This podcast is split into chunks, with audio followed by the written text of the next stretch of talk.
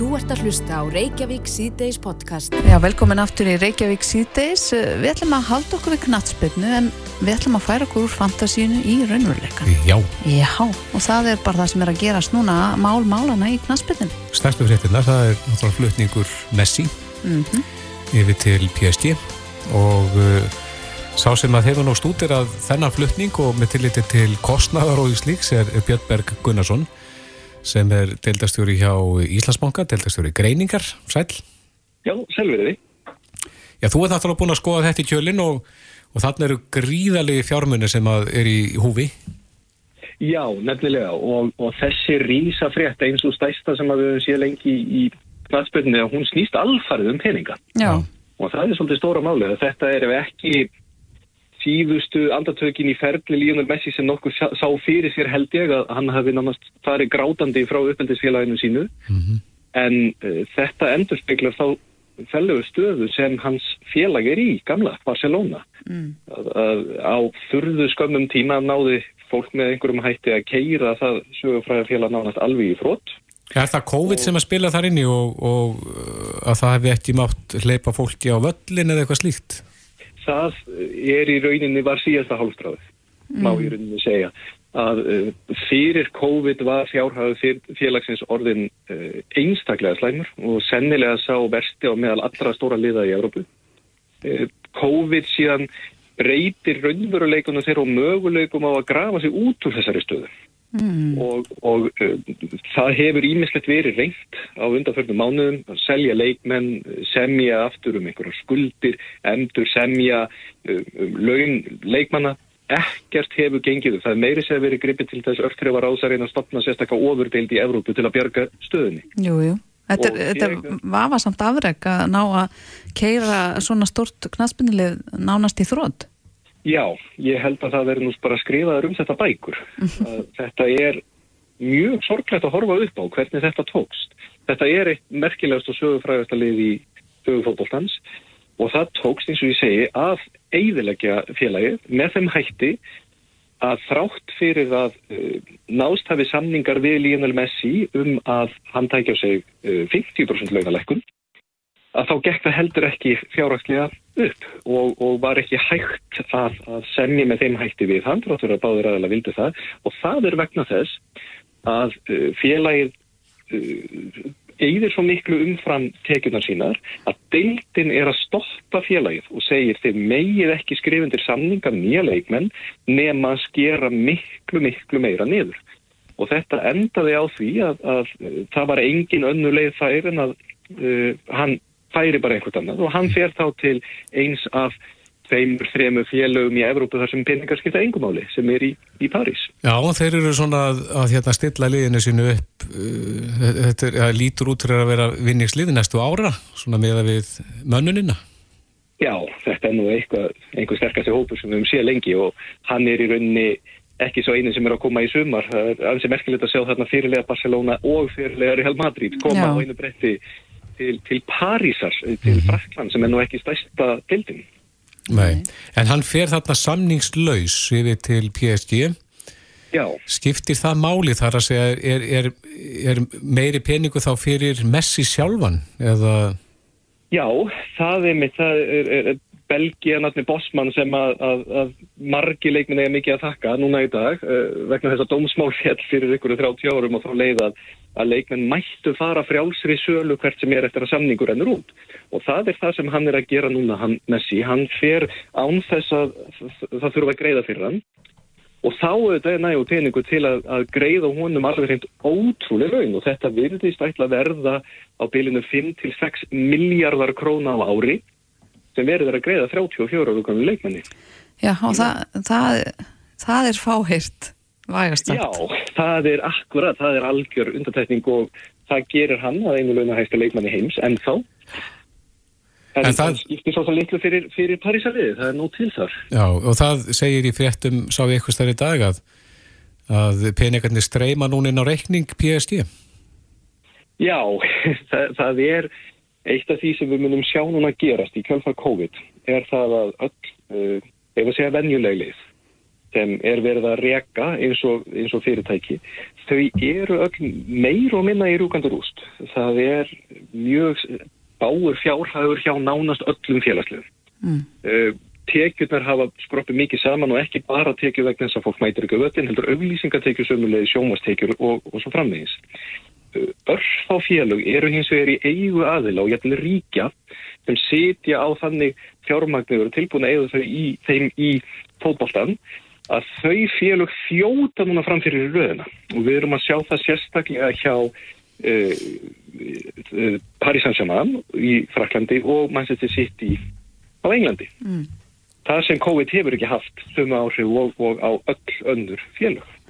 En núna eh, er frétt hérna inn á vísi um að áhín á PSG hafi markvaldast eftir að Messi kom þar í, í skipið og að fylgjendum á Instagram síðu PSG hafi fylgjað um 4,5 miljónir á einum sólaring og þá er talað um Messi áhrifin. Er einhvern veginn hægt að spekla fylgjendur á samfélagsmiðlum á þessa gríðarlega aukningu við þá einhvers konar gríðarlega aukningu á tekjum PSG við það að Messi gangi til liðs við félagið? Jú, það er nefnilega, þetta er orsalega góður punktur vegna þess að það eru mjög fái leikmenn sem hafa þetta aðdróttarafl mm. og uh, við sáum, uh, uh, þetta er ekki fyrsta skipti sem stórstjarnar fer frá Barcelona til Paris Saint-Germain. Fyrir nokkrum árum og þá fór Brasilíum maður að nafni Neymar sömuleið mm -hmm. og það var meðal annars gert vegna þessa, vegna þess að engungum með því að kaupa eða fá til við sér eitt leikmann sem er uh, stórstjarnar þá fjölgar fylgjendum um allan heim.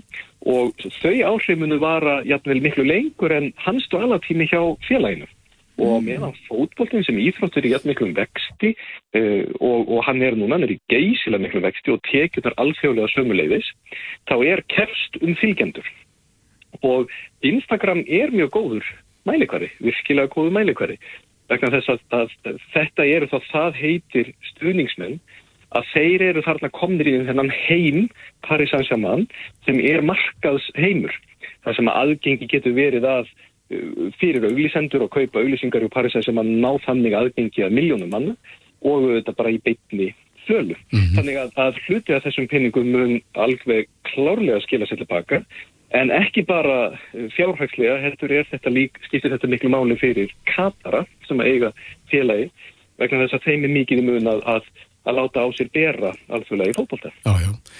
Og svo hljótað stifta máli sölur á eh, PSG Messi treyjum? Já, það, það er eitthvað sem að vegu tiltvöldlega þúlt almennt. Það mun gera uh, Parísins sem mann uh, fælt að gera sterkri þannig samninga, varandi sína byrkja, næk sem að vera framleiða þeirra búninga.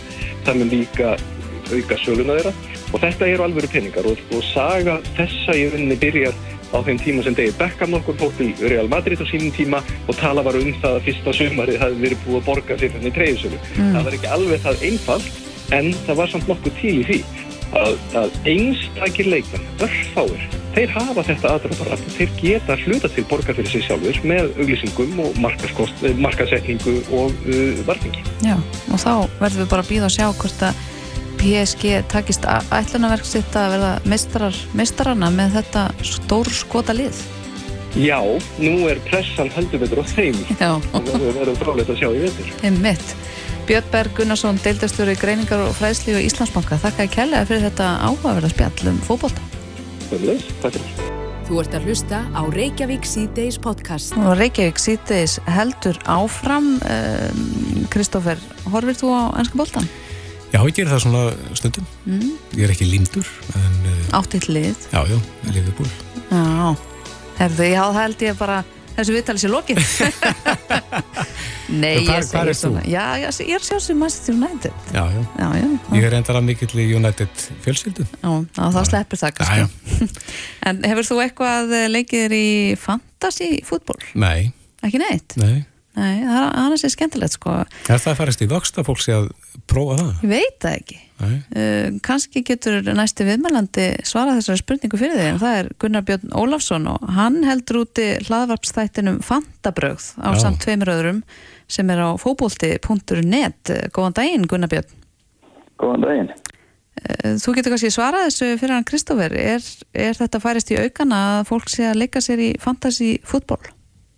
Já, heldur betur sko. Þetta bara hefur verið stöðum vexti undanfærin ár og á síðast ári voru 8 miljónir um allan heim sem spilu þetta Mm og þetta bara heldur áfram að vaksa bæði á Íslandi og út um allan heim.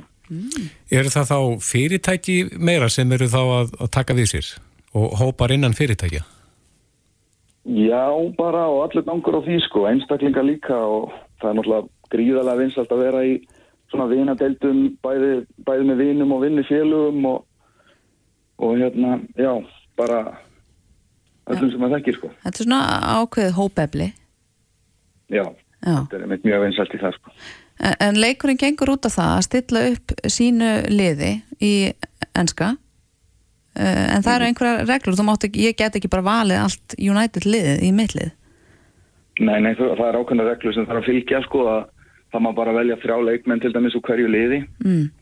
og svo hefur líka bara ákveðið magna pening sko, hver einasti leikmaður kostar eitthvað sko með hans gæði Mm. og, og þú þarf bara, þú, maður byrja með 100 miljónir og þú getur ekki eitt náttúrulega meiri pening en það í byrjun. Mm. þannig að þú, þú þarf að velja og þú þarf að sikta út hvaða góðu leikmenn þú ætlar að hafa og, og hvaða einhverja ódýraði með sko.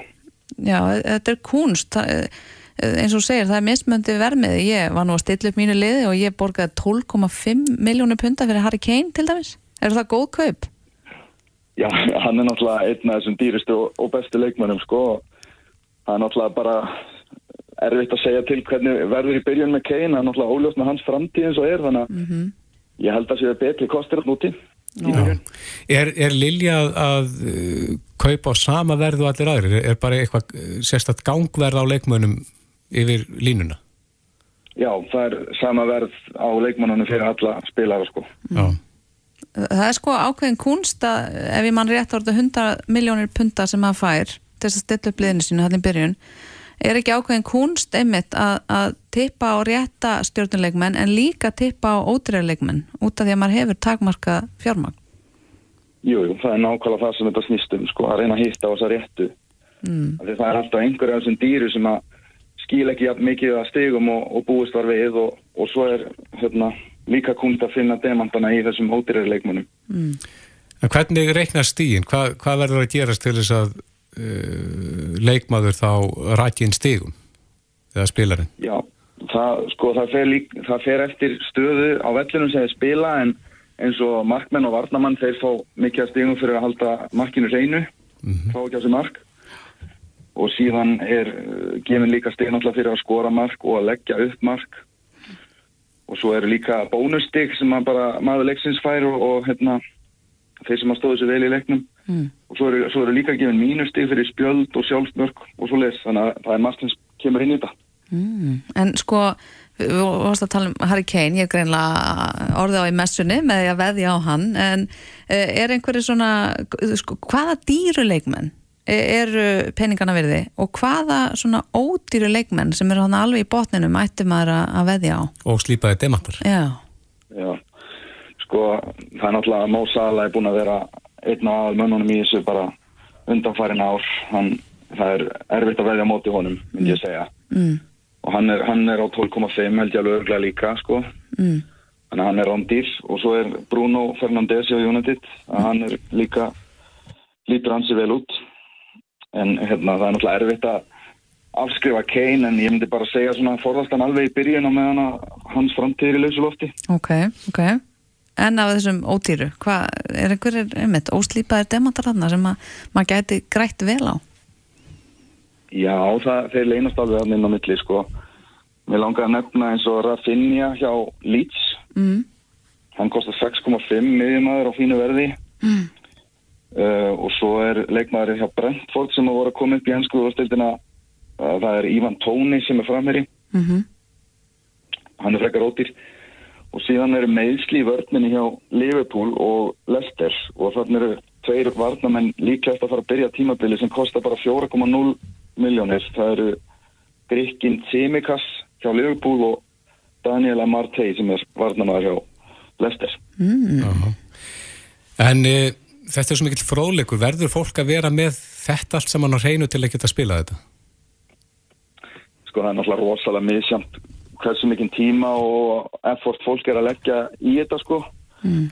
það er ekkit möst að vera með allt þetta á hreinu sko en, en við náttúrulega mælum með að hlusta á fantabröð það eru farið vel yfir allt þetta og, og meira til Já, en, en sko það, núna fyrir 13. þá þarf ég að vera búin að ákveða liðið mig þannig get, ég get hann þá skipt Harry, Kane út sem betur fyrr en er þetta ekki þannig að eh, það er ákveð svona ákveðin frestur fyrir hverja umferð til þess að skipta út setja varamennina og, og kannski eh, já bara skipta einhverjum alveg út úr liðinu og fá einhvern nýjan inn? Eða hvernig virkar það allt saman? Já, það er semst einum og hálfum tíma uh, fyrir fyrsta leikin í hverju umferð. Mm. það var bara skellt í lás og ekki þátt að breyta neinu og maður getur gert núna alveg endalösa skiptingar eins og vilt fyrir fyrstu umferðina en, en síðan er það bara einn breyting sem þú færð fyrir hverju umferð. Mm. þannig að það þarf að hugsa vel hvernig maður stillir upp núna í byrjun. Eh, sko, já, ég vel líka að spyrja eh, sko, til þess að skara fram úr þá náttúrulega við erum búin að fara við það maður þarf að vera klókur að eða peningunum sínum. En hvað annað getur maður gert sko, ég er komin í deild, ég verða að viðkynna það með öðrum, þannig að mér langi aldrei geta unnið í þessum leik hvað á ég að gera, hvernig á ég að, að að ná toppsætinu í minni deild Já, sko það er bara rosalega mikið í gangi sem er þetta hérna, leita sér upplýsingum um þetta. Það er uh, mikið af podcastum í gangi, það eru margar YouTube-rásir, það eru Twitter-reikningar og vefsíður sem er þetta leita til. mm. En ég mæli nú bara fyrst og fremst með að hlusta á Fantapróf. Það er Já. þetta bara allt ekki saman í eitt pakka og eitt þáttur í viku og þú færið allt í æðar. En er til eitthvað að vinna? um, sko, það er bara mismunandi eins og það eru margar svona peningadeildir í gangi, það er bara að kaupa sér inn í deild og svo bara þeir eftir fá vinning í lokin. Mm Þannig að þetta er aðalega bara svona upp á gamanið. Já, nema skráir því í einhverja deildir eins og það er til dæmis deild sem að heitir Böttvarsett deildin sem verið í gangi og, og hérna undanfærin ár sem er frí og svo er náttúrulega, það eru líka inn á milli fríar deildir sem er þetta að skrá sig í sem eru með vinninga. Mm. En svo eru líka mikið náttúrulega vinadeildum og fyrirtæki deildum sko sem að er með vinninga, bara vinnustæður og svona. þannig að það er mjög auðvelt sko að breyta þessu áhugamáli einlega í fulla vinnu Já, en það er náttúrulega bara þeir fáið sem að enda á toppnum sko sem að geta gett það sko. Já, akkurat. Ég, kannski ég og Harry Kane náum þá við bara spyrjum að leikslokum en eh, Gunnar Björn Ólafsson einn á stjórnendum hlaðvarpstáttarins Fantabröð á fótbolti.net Takk helga fyrir fræðokur um fantasy fótbolta Já, bara takk fyrir það.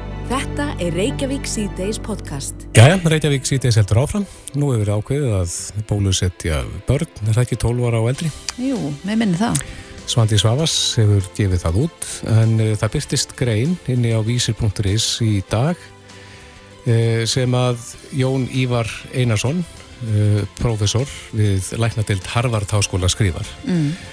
uh, sem að ber yfirskriftina á ég að bólusetja börni mín við COVID-19 Já, stór spurning. Já, Jón Ívar er á línunum, kom til sæl. Já, komið sæl. Já, þú vilt að, að fólk íhugi málið ansi vel áður en að teku þessa ákvörðun Já, mér finnst eh, sko sem betur fer þá er áhættan mjög lítil bæði ef að börn smitast af COVID og líka uh, áhættan af aukaverkunum af bólefnum er mjög lítil. Uh, þannig að í raunni, þú veist, er, er ekki mikil hætt á ferðum held ég uh, í hvora áttunum sem er. Hins vegar þá er mikilvægt að skoða það sem hefur gert með þessi bólefni náttúrulega almennt hjá fullornum að þegar þessar rannsóknir eru gerðar til að fá markaðsleifi þá er, e, eru kannski nokkur túsund manns í þeim og að það er ekki nóg til að finna sem mjög sjálfgjafa aukaverkanir eins og raungerist svo e, eins og þið vitið að þá hérna, komið í ljós e, sjálfgjafar aukaverkanir bæði með mRNA bólefnunum og líka adenoveiru bólefnunum mm um, sem leiti til þess að, að uh, þau voru, það var hægt að gefa þessi bólefni ákveðnum hópu vegna þess að það þótti ekki áhættan uh, eða samspil á, áhættu ávinnings var ekki hagstætt virðist þeirra og, og hérna ég er svona vegna þess að börnum er mjög lítil hægt að búin af uh, COVID og þá hef ég smá ágjörð því að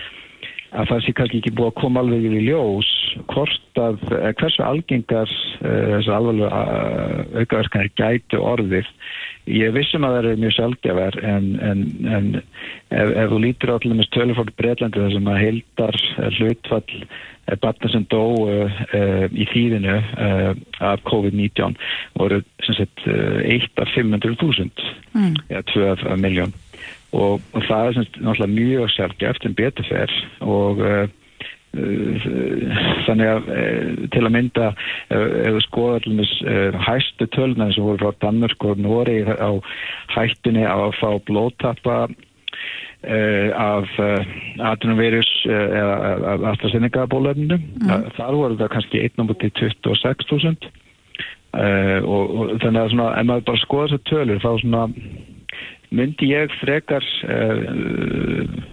tala fyrir því að býða aðeins þanga til að vera konaðins stærri tölur frá uh, löndum þar sem að bólusetninga þessi aldursopsur er byrjað. Hvað tekur það langan tíma, Jón Ívar?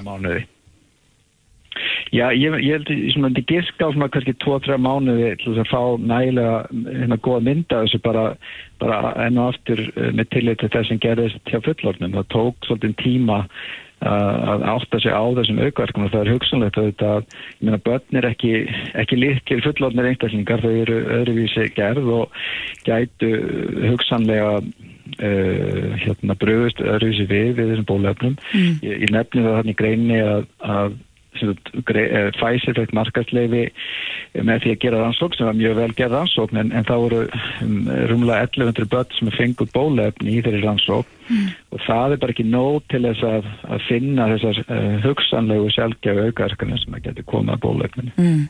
Þú, þú skrifar hérna í greinu og vísi að þú eigi sjálfur 13 ára dreng sem stendur til bóða að fara í bólusetningu síðar í þessum mánuði.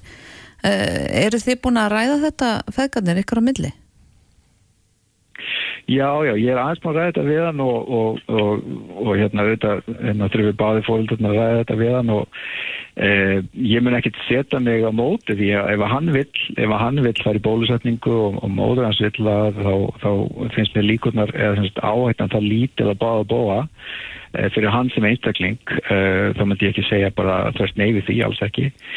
En, en maður svona, eh, ég er ekki kannski skoða þetta bara út frá einum uh, einni breytu heldur, uh, maður skoða þetta bara svona þjóðfræðslega séð. Þá náttúrulega eru mörg þúsund börnum á Íslandi og maður svona ég, bara, ég svona hef smá ágræð þessu, ég vona þetta sannlega að þessi ágræð sé bara ekki réttar mm. og, og, hérna, og þetta sé bara allt í fínu lægi En snýst þetta ekki um það svolítið hvort að það er verra fyrir einstaklingin að fá COVID uh, sjúkdómin eða bóluefnið? Og hvort að bóluefnið Jú, sem slíkt rægi úr þá alvarlegum einkennum ef að þau kynna verða ykkur Jú, akkurat og, og það, það er alveg klart mál að uh, sérstaklega náttúrulega hjá eldri fólki, eldri fólki, fólki með aðdætti þá er klart mál að bóluefnin uh, það er ávingunum, það er, er sko bara augljós myndi ég segja í, í, í dag.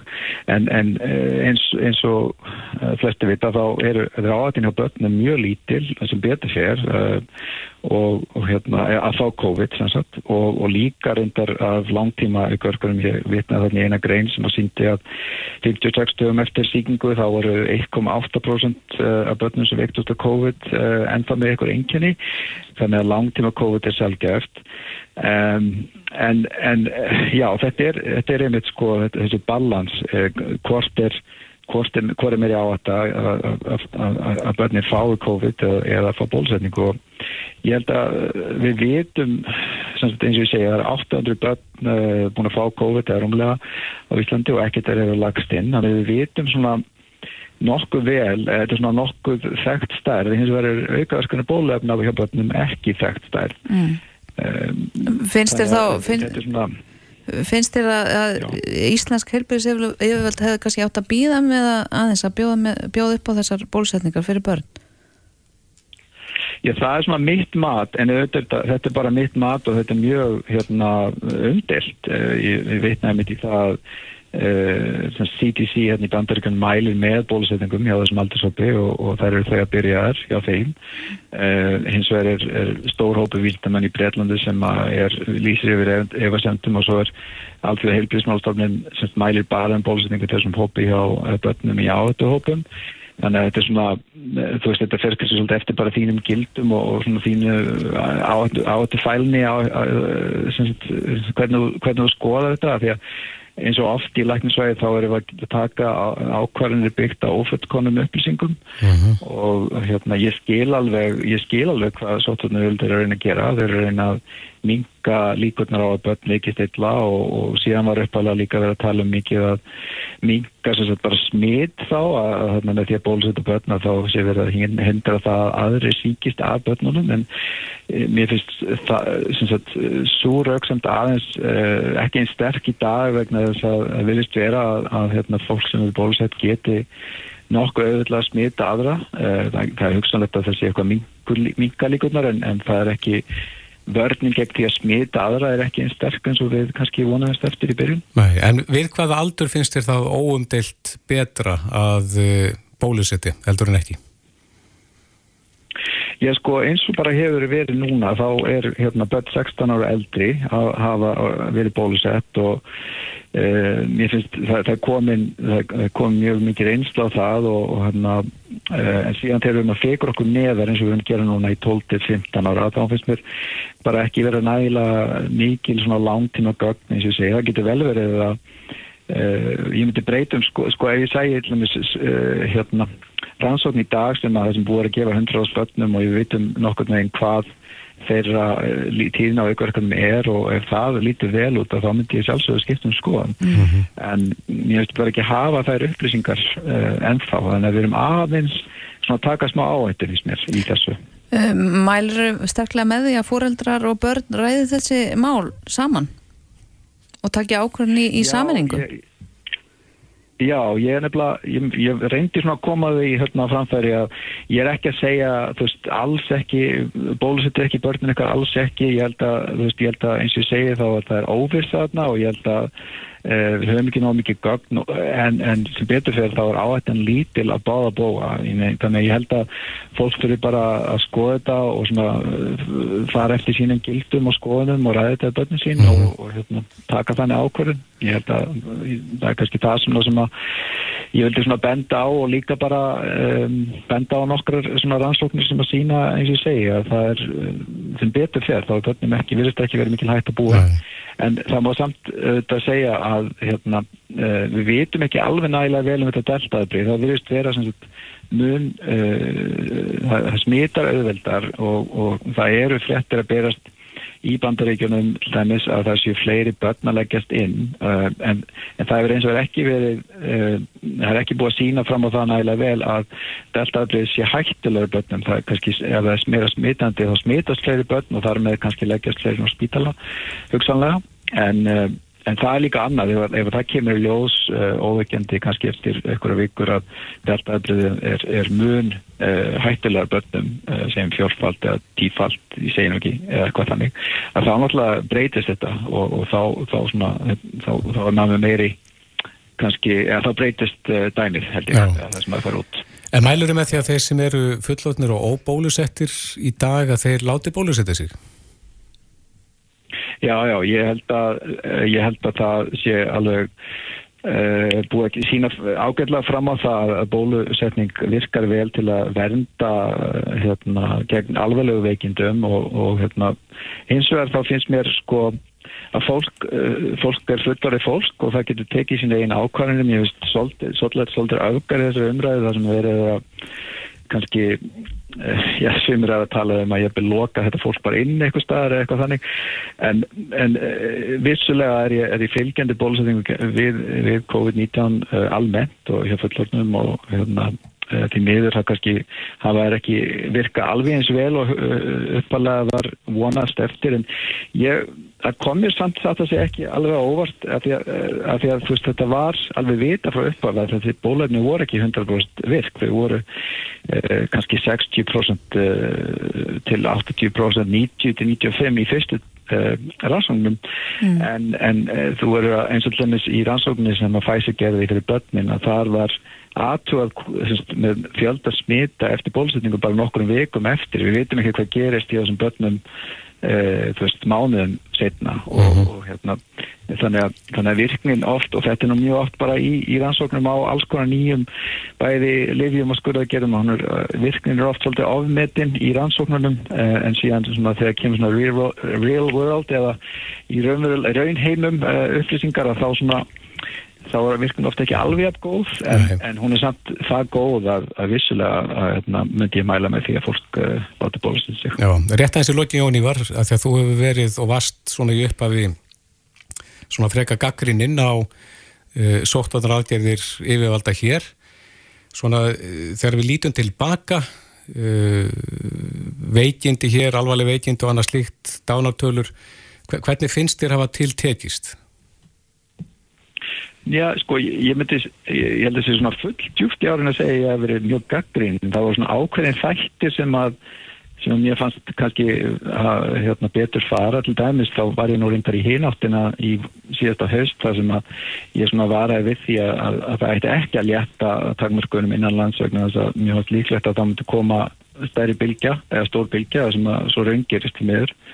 En ég held að við höfum sko, ég held að mörguleiti höfum við farið betur út af þessum en margir og, og það, er, það er margir, við erum náttúrulega erum strálbyggasta land Európu held ég, eða eitt af þeim og, og erum eiga og við erum upplýst samfélag og fólk svona virðist nokkuð fara vel eftir því sem, því sem er sagt. Þannig að hérna, Þannig ég held að við höfum, svona, við höfum farið nokkuð vel gegnum þetta svona, í samanbyrðið aða þjóður eh, svona hinga til allavega en þetta er ekki alveg búið Nei. þannig að erum aðfram fylgjast með þessu. Já, uh, við gerum það svo sannarlega hér í Reykjavík síðdeis- og þökkum þér Jón Ívar Einarsson prófessor við Læknadeild Harvard Háskóla. Kærlega fyrir spjallið. Að spila Reykjavík síðdeis á Bilginni podcast. Á vísi.is, það sem er uh, fréttum kynlífstæki sem að eru til sölu. Á Facebook. Á Facebook Mm. Já. en þannig erum að ræða þetta svo kallaða sex room sem að hefur verið starfrækt núna í einhvern smá tíma. Mhm. þar sem að fólki gefst kostur á að leia sér aðstöðu til þess að stunda kynlíf. Einhvers þar í miðbænum, það er óljóst hvar þessi aðstæða hefur verið. Ekkert heimilsvangkveldjir Nei, Nei, uh, en okkur fannst þetta nú svolítið forviðalegt að væri verið að Þetta er ansi uh, flott tæki, þetta er, þetta er rúm og róla og bekkur og kross.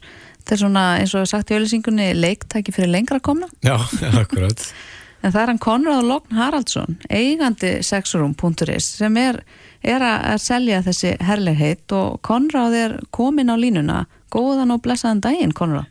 Góðan og bæðan daginn. Af hverju er þetta að selja? Uh, ég er bara að fara í ára fjárfæslingar. Mm. Já, ert að selja reksturinn þá eða? Uh, ég reyndi á daginn, það virkaði ekki, þannig ég ætla bara að losa með tækin og selja ústæði. Já, ok. Hvað vill, vill enginn kaupa vörumerki sexroom.is? Það verðist ekki vera. Akkur ætli það sé? Fólk þorir ekki, fólk þorir ekki. En hvernig gekk reksturinn hjá þér? Það gekk bara alltaf lægi. Það er ekkert þetta kvarti við því. Nei, hvað varst Það er að ganga betur eins og allt annað. Já, spilaði COVID þarna eitthvað inn í? Já, ég held að. Mm. Síðan, já, ég held að. En Hver, hver var hugmyndin þar að segja listaðins fyrir okkur hvernig, út af hvað gekk reksturinn? Bara að fólk á bara öllum aldri, við þekkjum þetta bara sem foreldrar að hérna, það er ekkert alltaf friður á heimilinu. Mm. Þannig að það var fínt að fara bara þarna í næði og gera það sem fólki, fólk vil. Og, og fólk var sérst að leia sér herbyggi í einhvern ákveðin tíma, klukkstund eða eitthvað svo leiðis. Já, já, allt bara upp í marga klukktíma. Mm. Og, en heldur að sé einhver grundvöldur fyrir þessar starfsemi ef að einhver áhuga samur vill taka við henni? Já, ég held það. Ég bara er búin að sjá það líka. Ég er ekki rétti maðurinn til að sinna þessu og auðlýsa þetta og annað er ekkert grín. Mm. Það er svona eina erfið við þetta. Nei. Hver, hver er markkópurinn? Hvað aldur? Já, og, já, já. Allur aldur. Mm. Það er bara... Og flestu viðskiptarnir sem kaupa eru konur, þannig að Ok, þannig að konur á öllum aldri, það er svona helsti markkópurinn. já, Mm. En sko, þú segir að þú sért ekki rétti maðurinn í þennan rekstur. Af hverju erst þú ekki rétti maðurinn? ég er bara að gera svo mikið af hlutum. Þú veist, Mm. ég á bara fasteignir og er rek- rekstur í öðru, önnur fyrirtækja og ég er bara, þú veist, það er að sinna þessu betur en ég er að gera. Já. En e, þegar að þessi starfsemi eh, kom fram á sínu tíma þá heyrði maður svona rattur um það að fólk treysti kannski ekki endilega því að mæta á staðin þar að segja e, þryfnaður og mögulega myndavélar er þetta eitthvað sem að þú heyrðir? Já, ég, ég heyrði alls konar. Það er ekkert, ég meina þú, þú finnur ekki hreitni stað en þarna. Mm. Þú veist, það kemur bara tveir eða fjórir, allt sem er snert og mögulega hægt snert, það er allt sprittað, það er passað upp á allt. Mm. Og ég hétt mér því stofnaði þetta, það mun aldrei heyrast nóg þrjum hana. En, Það hefur ekki klikað. en af hverju stopnaður sexrún.is? Fannst þetta bara geggja hugmynd. Mm. Mér varst nafni geggjað og mér varst allt geggjað við þetta. Fannst þetta vanta. varstu búin að kynna þetta eitthvað? Var, var þetta einhver fyrirmynd erlendis frá eða eitthvað svoleiðis? Nei, nei, bara búin að eiga þessa hugmynd lengi og rætti þetta að segja með frænda minn og við rættum þetta í marga mánuði og síðan ákveði bara hjúli í þetta, við erum yngu að tapa. Það var nú talað um það að þetta tengdist fram í að höldum að einhverju leiti Varstu var við það? Nei, ég var ekki varðið það, ekki að minni við þetta. Mm. En í svona rekstri, þetta er nú hálfgerst tabú eiginlega hérna á, á Íslandi og kannski víðar, þú lítur nú að hafa upplifað eitt og annað á þessu rúma ári sem þú hefur starfað þetta. Já, já, alls konar, alls konar. Getur nefnt okkur dæmi? Já, mamma tala ekki um í smá tíma, Nú, en það fannst ekki dröðslega sniðut. nei, Þannig að mér er bara eiginlega alveg saman hvað fólk finnst, sko. Ég er bara að gera það sem ég langar til. mm. Já, Það er ekki skoðan annars fólk að fara að stoppa það. nei Hva, Hvaða dagar voru vinsalastir hjá þér? Uh, sko, það sem komið mest óvart var eftir áramót. Það var rosaleg. Hva, hvað gerðist þá? Ég veit ekki hvað gerist. Það er bara strax, bara strax eftir áramótin, bara annan janúar, það bara byrjuði bókarinnar. Bara sprenging? Sprenging, sko. Og síðan júni og júli í fyrra voru alveg fáralæguður. En er þetta mest pör eða er þetta líka hópar eða hvernig er svona minstrið? Ég hef ekki verið varið mikið á hópum. Hafa verið að svona að koma. Já, að taka það upp bara einar eða? Ég bara veit það ekki, ég bara séð þetta inn OnlyFans, þú veist, Mm. myndirnar aðeim. Já, Það það- er ekkert óska eftir einu en einu, sko. Nei. En svona, hérna að vera að reyka svona húsnæði mitt uh, einhverju stressar með óþrifnað eða, eða hvað sem svo það er stoppaði símin hjá þér á meðan fólk var þarna inni, var ekki alltaf verið að ringja og, með einhverja skringilegar beinir eða eitthvað svoleiðis, Jú, alls konar beinir og líka bara áður en að fólk kom, mm. baðum að redda alls konar. eins og hverju Bara að vera með kampænsflöskur og vera með eitthvað spöðum og eitthvað alls í handjóðnir, handjóðnir eru bönd, getur fengið þetta. er eitthvað svona einstaklega undarlegt sem þú mannst eftir sem að uh, gerði þið orðlösan Nei, nei, en það er kannski erfitt að gera þig orðlösan já, Já, mér finnst alltaf eðlilegt í þessum bransa, sko. mm. já En hvað ert að selja þetta núna inn á Facebook? Er þetta, er þetta stórtæki? Rúmið er rosa stórt. Rúmið eru 2,38 á lengt og 2 á breytt, síðan er hæðin einhver 2,80. Þannig að þetta er bara fyrir stór söfnumreiki Já, Mm. og mikil möbla. Já, hvað kostar svona tæki? Nýtt, Nei, hjá þér? það mér. Ég ætla að reyna að fá 300 úr fyrir allt. en fyrir allt saman Já. Ok Þú hefur nú rúmið- vantilega borgað meira fyrir það sjálft. Já, ég, margvalt meira. mm. Það er, þetta er allt sett, veist, það er að skrúa þetta allt saman og það er sett saman að inni. Mm. En telur þetta full reynd á Íslandi? Nei, ég teldi ekki full reynd. Ég er bara enn með áhugan annars þar og ég get ekki synd öllu. En þú finnur ekki, að já, en þú finnur ekki arftaka? Nei, nei, ég finn það ekki. Og þeir sem hafa hugmyndir eiga ekki peninga að ráðast á það. Mm. Við þurfum kannski að vera opnari fyrir þessum möguleika Ég meina, hvað vill fólk? Þetta vantar, það er alveg klárt. Mér er fólk fyrir sögumbústaði, okkur ekki fara þarna. Fólk fyrir bíó eða keilu, okkur ekki fara þarna. Mm. Þetta er miklu skemmtilega en keila á bíó, sko. Já. Maður með reynslu talar. Eh, Conor Logn Haraldsson, eh, eigandi sexroom.is, allavegna ennþá. Eh, takk fyrir spjallið, gangið verið með söluna, er ekki, er ekki brjálega að gera, er ekki fullt af fólki að ringja eftir þú auðvistir þessi tæki? Jú, ég veit bara ekki hvað ég ætla að taka pöntunum sko. Jaha, það er lúksusvandamál. Það er lúksusvandamál. Já.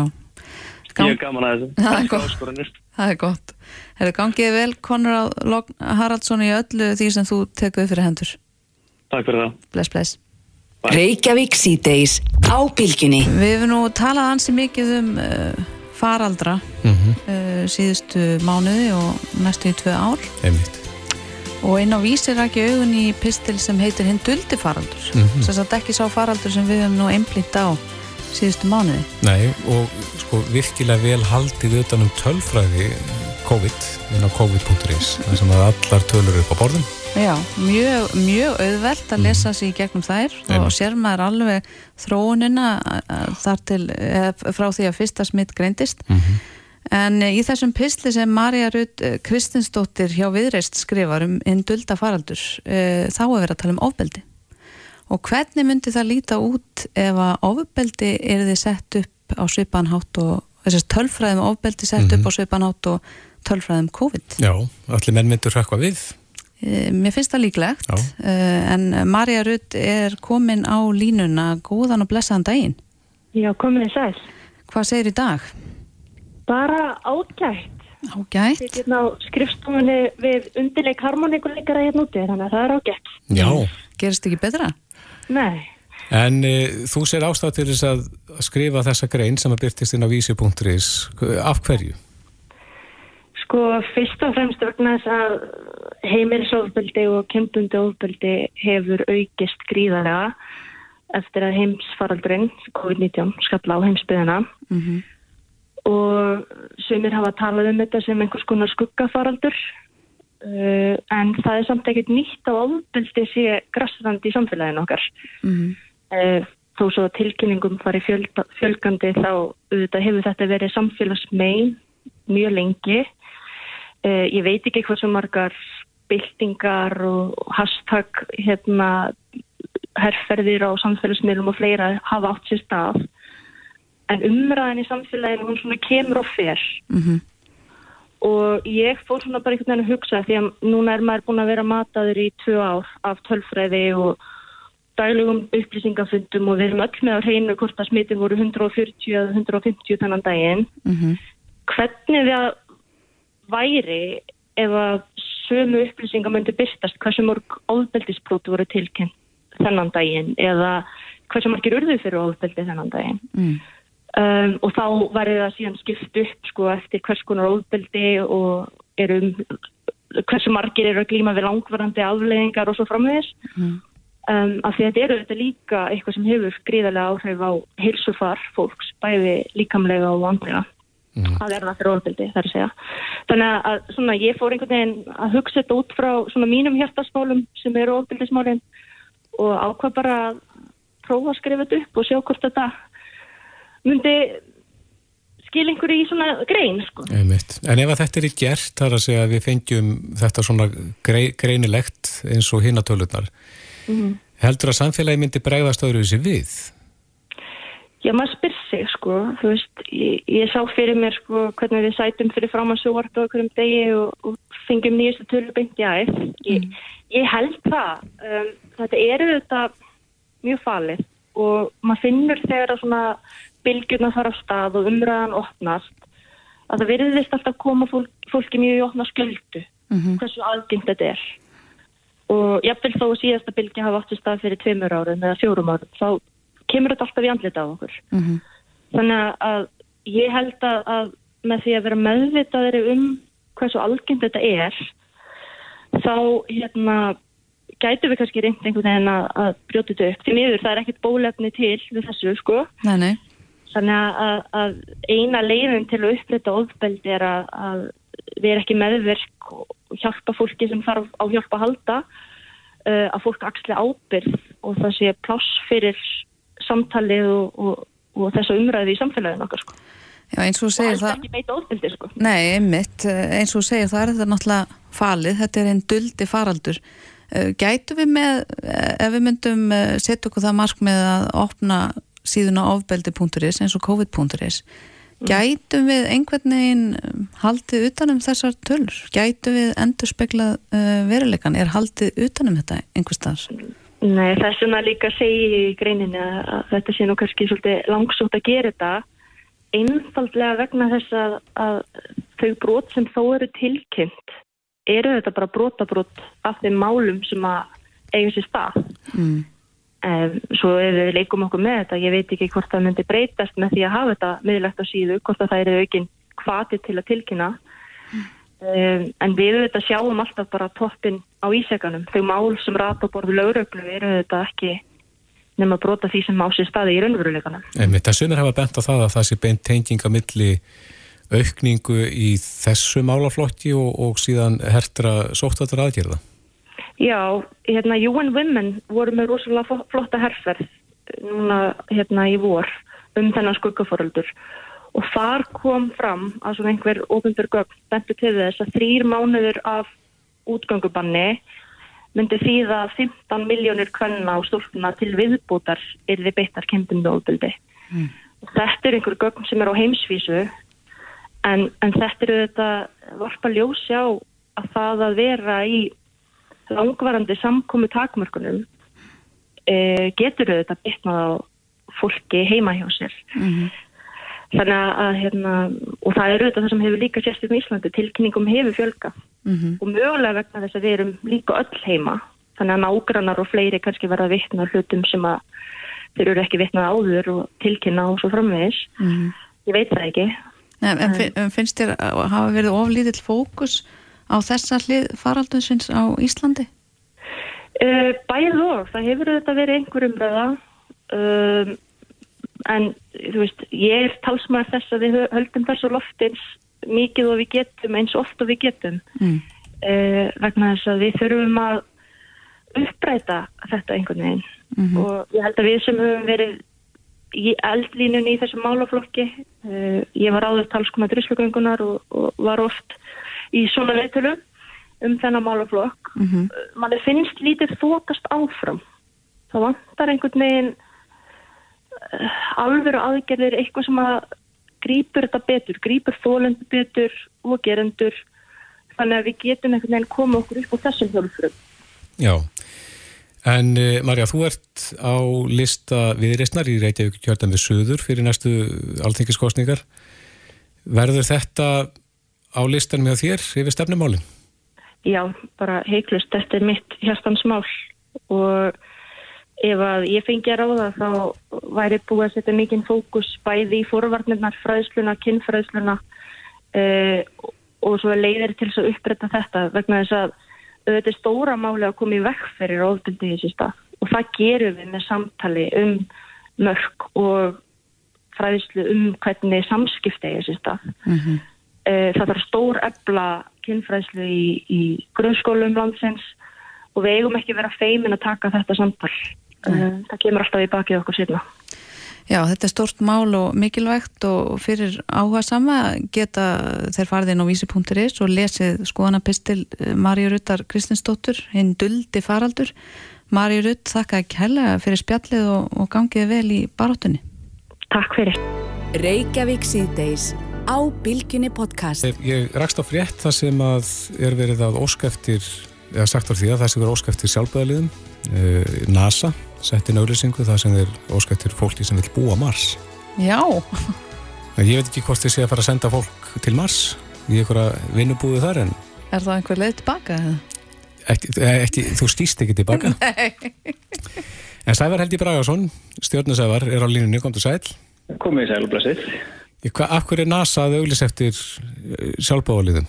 Já, það þarf að finna tilrunadýr til þess að takast á við eða læra svona viðbröð við ímsa því sem kemur upp og mun koma upp þegar menn verða sendið til massi fyrsta skipti inn einhverja ára tuga og það næsta sem við komumst í er að bara setja upp einhvers svona tilrunastöð í Texas þar sem NASA er með höfustöðar til dæmis og láta fólk þar prófa svona ímsa þætti sem reyna á líkamlega og andlegt afgerfi fólk sem fer að lókum þessa lögungra. Já, þannig að það á ekki að senda þetta fólk til Mars.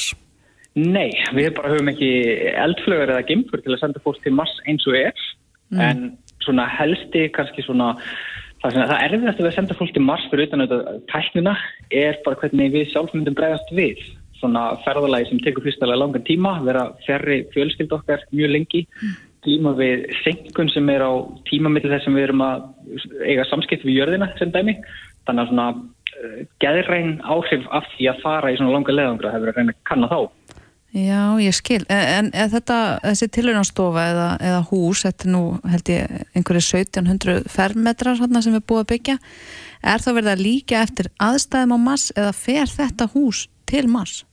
Eh, Það er bara, þetta er þrjútaprenta hús sem er reynda 158 fermetrar, 1700 fer fet. Ah, fer fet. Já, það er bara inn í skemmu sem NASA er með og þar verður dyrunum læst og fólki sem þar dvelur innan hús í ár á þá bara kljást við svipu verkefni og henda massfara framtíðarinnar. Þannig að til dæmis ef það hafa samband við stjórnstöðuna þá verður bara líkt eftir tímasengunni svo fá þeim svo þrautir sem þeir eru að leysa. Og, en þetta er þrjútaprenta og það er fyrirtæki sem hérna, þrjútaprenta þetta fyrir NASA vegna þess að í framtíðinu þá verður erfitt að koma með all, allan tækibúnaðin til þess að setja upp íbili og öðrum hnettum og þá standa vonir til þess að við getum fremlega þrjúvitaprentað bara á staðnum með því að nota auðlindir sem leynast á til dæmis tunglinu eða mars. Já, já. En uh, hvað gerist ef að þáttækandu þarna verða alvarlega veikir? Eh, Þá, já, þá er sem betur fer hægt að opna dyrnar og taka það út en það er náttúrulega alls ekki hægt á, á mars í raun og veru. Þannig að í mars leðingur framtíðarinnar þá fyrstu helst að vera einhverju læknar með í e, liði eða fólk sem er kent að til dæmis gera við tennur og þess að þar en ef eitthvað alveg kemur upp þá er bara tilurinn stoppuð og, og hérna fólk tekið út og, og því hjálpað. En, en það getur nú alltaf hver sem er farið í svona verkefni, eða hvað? Nei, uh, skilirinn eru þau að þú verður á bandarísku ríkisborgari og þú þarfst að tala reybrennandi ennsku, vera á aldrinum 30 til 55 ára og hafa bakgrunn í raunvísindum og tækni. Það er að segja að vera starffræðingur, eðlusfræðingur, efnafræðingur, verkfræðingur eða eitthvað slíkt. Mm. Getur líka fengið að taka þátti og verðstum bakgrunn í hernum og hefur flóið þúsund klukkustundir. Þannig að svona, þetta er ekki að færi hver sem er. En ég hugsa þetta sé samt ágætt fyrir þau sem vilja svona flýja okkar veruleika. Það verður til dæmis áhugavert að vera þarna í heilt árum meðan að COVID geysar fyrir utan og vera svona halvpartinn í fríi frá öllum skarskala hverstagsins. Já, en þetta er Nei, það, þú ferð ekki að fara út til þess að fá fæst loft og ef þú ferð eitthvað stutum til þá myndir þurfa að klæða skimbúningi og líka eftir öllu því sem því fylgir. Þannig að þetta er ekki fyrir innlokuna, fólk með innlokuna kjönd. En, en veitum við eitthvað hvað, hver margir sjálfbóðlegar verða í þessu húsi? Já, hver áhöfn á að samanstanda fjórum einstaklingum og það á að endur taka þess að tilrönd þriðsvar og hver áhöfn á að dvelja þar inn í eitt ár. Uh, Venlulegu marslegangur nefnilega tekur sennilega cirka þrjú ár. Það tekur hálft ár til nýju mánuði að ferðast til Mars. Svo þarf það að býðast þegar Mars og jörðin mætist aftur. Þannig að það sé styrst veglindi milli, þannig að hægt sé að fara heim og ný. Þá tekur annað háls til nýju mánuði ferðalag, eða 69 mánuði ferðalag aftur til jörðu tilbaka. Mm. Og þannig að heldar tímalengd marslegangur fram og tilbaka er kannski svona cirka þrjú ár. Mm. Hvað er þetta, hérna, hvað eru margir sem að verða ráðnir í þetta verkefni? Uh, mér skilst ásaka þessi lýsingu að það verði uh, 12 manns valdir Mm. og það verður bara áhugavert að sjá hvaða fólk treystir sér í þetta, hvers konar hérna, já, hvers konar fólk það er sem vil flýja veruleika nokkur í eitt ár og leika sér í þessu. Eh, En sko það er talað um sjálfbóðlega, ég vona nú samt að þeir fá eitthvað greitt fyrir þessi ósköp. Jú, fólk fær greitt fyrir þessi óskup ölsumul, en það er hérna kannski því lítið að taka fólk úr vinni í heilt ár, þannig að borga þeim laun fyrir.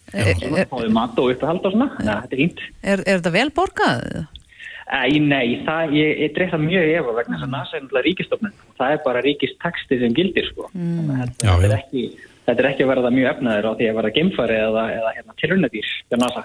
En verður sendt beint út frá þessu? Verður þetta rönnuruleika sjónvarp? Uh, ég hef ekki heyrt um það ennþá allavega. Uh, mér finnst það ólíklegt vegna þess að NASA er ekkert mjög fyrir það að láta fólk vera svona í svisljósin eins og um sig að ræða hvað þetta þessi þættir, Love Island og eitthvað slíkt. Já, ég var einmitt að spáði hvort þetta gæti snúist út í það eða, eða að þarna verði einhver drama og... Já, það getur bara vel verið, sko. Er náttúrulega, svo hugmynd hefur komið upp um að fjármagna marsleðingur með einhvers konar raunveruleika sjónarbi. Mm En hvers, hversu áhugavert það er, veit ég ekki. Ég veit allavega NASA hefur svona ákveðna standarda og, og siðferðis hvað maður að segja, siðferðskend til að gera það ekki. Svo er það náttúrulega bundnir að því bara svona sem að ríkið setur þeim skorður um. En má ekki búast því að alls konar kendir getur kviknað í svona innilokun?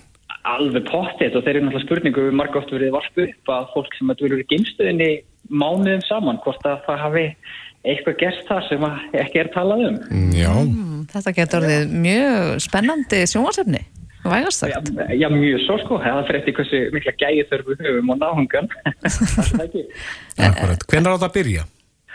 Uh, í, það, þetta á að byrja 20, á næsta ári eða ekki, februar næsta ári minnum ég að hafi lesið, en það getur verið átt hjá mér. Og það þýðir ekkert verið Íslendinga sætjum? Nei, ekki náttúrulega fólk hafið tvöfaldan ríkisborgar rétt, þá bara getur það stóttum, eða hefur, hefur bandarist ríkisfang líka. Klæjar þið ekkert í puttana að retta er slíkur ríkisfangið? Uh, já, stundum var ég fint kannski til þess að auka möguleikann sína á því að verða geimfóri að lókum, Já. en ég myndi til dæmis ekki bjóða mig fram í þetta verkefni, þar sem að, uh, já, ég var eignast uh, hérna í fjórum mánuða svon og ég hefði bara eiginlega ekki í mér að yfirgefa fjölskylduna Nei, það er til hann ekki með það. Já, takk fyrir það. Takk, takk. Sævar Helgi Bragarsson, kæra þætti fyrir þetta. Þetta er hérna verður spennandi verkefni að fylgjast með. Heldur betur. Eh, Ég veit að mörgum brá í brún eh, við fréttir stöðvar 2 og bylgjunar eh, núna fyrir vikunni. Það sem var greint frá því að á landinu eru 180 vélbissur í eigu Íslandinga og flestar þeirra eru virkar. En vélbissur er nú eitthvað sem að landin hefur nætti verið hrifin af. Við munum náttúrulega því þegar að sérsveit lögreglunar vildi flytja inn, fengu að gjöf frá norska hernum Já. Slíkt tæki og það voru margir sem að reysa upp á afturfæturna við það. En e, það er spurning hvort að þetta sé ásættanlegt að hér séu þetta mm, mörg sjálfvirk vopn í umferð. Já, ég eigu safnar. Já, þannig að til þess að geta flutt þessi vopnin að þá þarf að fá safnara leifi Mm. Og eh, held ég ekkert sem að segja til um það að þessi tæki þurfa að vera óvirk. En eh, Vilhelmur Átnarsson, þingmaður og fyrirvændi lauruglumadur er á línunni, kom til sæl. Já, komið sælumblössuð. Já, er þetta eitthvað sem við þurfum að hafa áhyggjur af? Uh, ég held að það komið mitt fram í þessum fréttum sem að eru af þessu að við þurfum þess ekki en það er, ég held að sé ekki mitt fjöldi hérna vopnana eða, eða hérna, skotvopnana í þessu tilfelli sem að skipti máli heldur er að ástæða fyrir fjölkunin. Það er að fyrsta sem ég spyrir mig, af hverju er þetta aukast? Er eitthvað ný tegund að einstaklingum að sækja mynd og annað slíkt? Mm. og ég held að regluna sé nú þannig ég hef nú ekki kynnt mér algjörlega nýlega en að, að, að til þess að geta átt einmitt svona sjálfvirt eða hálfsjálfvirt votna þá einmitt er einhverja kröfur og þar að meðal vera safnari án að slíkt þannig að ef þetta eru safnarar sem eru mjög andum skototnarleifir sitt og safnið sitt og annað slíkt að þá held ég að við hefum að geta treyst þeim til þess að eiga slík vopn og fara með þau samkvæmt lögum og reglum. Mm. Það einmitt eh, fylgir hérna fréttinni að, að árið 2016 og 17 var ekkert sjálfist skotvopn flutt inn til landsins og svo var hérna sprenging í fyrra þegar 252 sjálfvirk skotvopn voru flutt inn og það er aukin áhugi, safnara. Hef, vitum við eitthvað um þennan áhuga? Eh, eins og þú segir, er þetta einhver ný tegund eða hefur einhver tilfinningu fyrir því? Eða hefur það heyrt eitthvað um það? Já, einmitt það var þetta kannski sem að slá mann svolítið af hverju aukningin var svona mikil og spurði sér þá en þá róast mann aftur þegar komið þetta orð safnara, það getur vel verið að, að, að það hafi bara einhvern veginn farið að stað einhver, eitthvað, eitthvað sem hefur komið þessu stað það er að fara að flytja inn mm. er kannski hérna það jógst sali mörgu fyrra. Já, já, og hérna það getur vel verið það er að nýtt fjármunina í byssur, viðstu þú ekki nýta eitthvað annað á COVID-tímum sko veist. þannig að maður veit það ekki alveg nákvæmlega ég þekki það ekki. Og, og, en á meðan þetta eru safnarar að þá held ég að við getum verið róla ég held að það er sem eitt og þrjú. Kannski voru að opnast einhverjir markaði með svona notuvopnalendi sem að safnarar eru að segjast í eða komið einhver nýr vettongur þannig að voru auðveldir fyrir að nálgast þetta eitthvað. Það eru margar ástæðar sem geta orðið fyrir þessu sko. Þannig að og, og þau eru mörg söfnin sko. það eru margir sem safna bílum og aðri frímerkjum og pennum og, veist, og Mhm. þetta er einn tegund safna og að þetta heitir vopn og þá er náttúrulega fólk, hugsar fólk aðeins dýbra um málið sko. Já, og sérstaklega það sem það fylgdi líka fréttunum að, að uh, það er verið að stela vopnum. Það var til dæmis sjö byssum stólið á síðast ári og, og uh, ef að svona sjálfvirk eða hálfsjálfvirk vopn enda í raungum höndum, það er eitthvað sem við þurfum kannski að hafa áhyggjur af.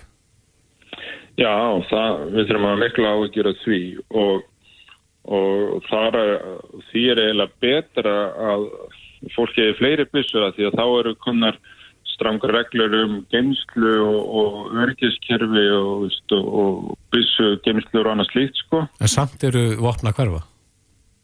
Já, veist, og ég tel þá meira líkur að vopnin sé að hverfa þar sem að þau eru ekki geimt á örgan hátt og þar sem að fólk ber ekki náttúrulega ábyrð á vopninu sínu, það sé með það ekki á ná örgum stað og tryggri geimslu og annað slíkt. Og, og þegar að erum svona uh, safnara eða mikla áamennum skotafana þá geima þeir geima þeir þetta mjög örgan ábyrgan hátt sko þannig að, að þau voff sem er verið að að stela og eru óskráð held ég sé meira kannski voff sem hafa verið erfast á milli eða eru ekki svona uh, geimt og tryggum og örgum stöðum sko.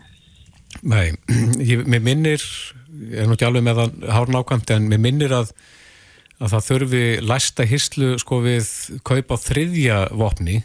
Já, það er þannig. En Og þyrfti ég held ekki að að, þetta er meira svona haglabissur og svona sem er að stela ekki þessi sjálfvirku eða hálfsjálfvirku voff sko. en er það ekki skrítið að, að einstaklingu sem að á eitt vopn eða, eða tvö, að hann skuli geta gemt þetta annar staðar heldur en í, í vopna skáp, Þa, þarf ekki að, að herða þær reglur. Þannig að bara við fyrsta kaupa fyrsta vopni, þá þarftu sér læstan byssu skáp.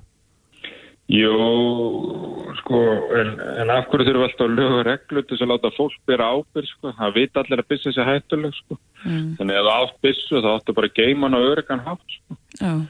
Og, og, og hérna, mér finnst það nú bara að vera þannig að fólki að svolítið að, að liggja augum uppi, það þurfi ekki, ég sem alþingismæra ekki þurfa að bera ábyrg á, á því, sko. Hendur er það frekar að, að eigandinn af bissunni skulle átta sig á hversu hættulegt þetta er og, og, En og þetta er ekki eins og hvert annað tæki, Viljánu, þetta eru, þetta eru hættuleg vopn.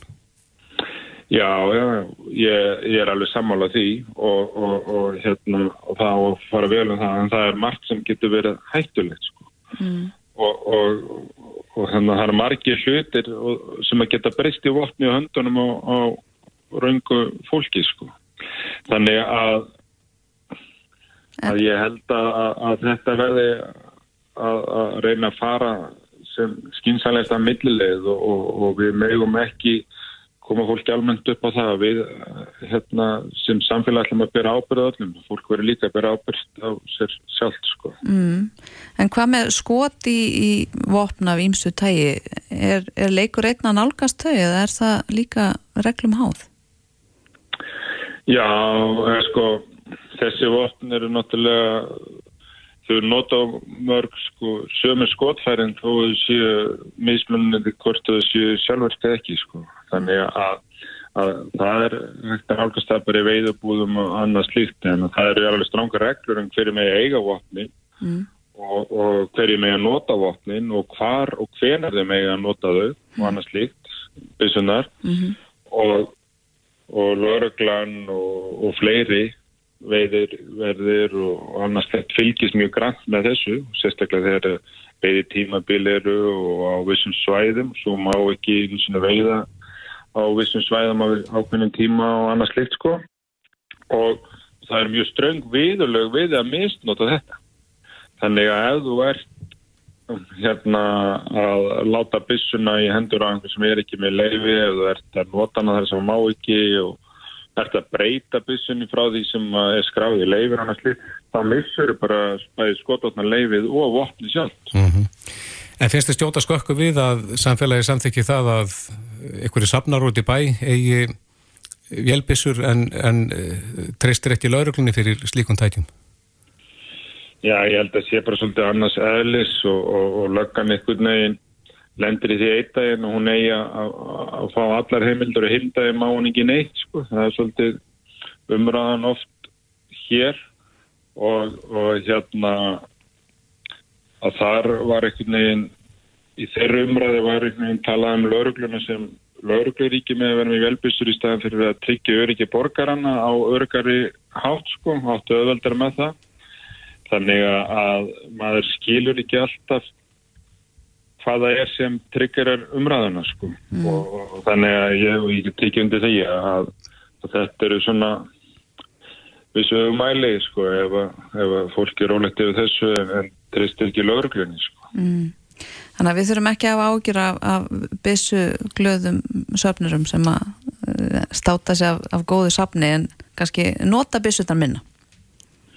Já, ég held að, já, akkurat, ég held að að við hann frekar að hafa ágjur af þeim sem kunni ekki að hefta skapsitt, sko. Mm, já, ég skil. Eh, takk fyrir spjallið, Viljálmur Átnarsson og, og við kannski fylgjumst áfram með þessu hér í Reykjavík síðdeis.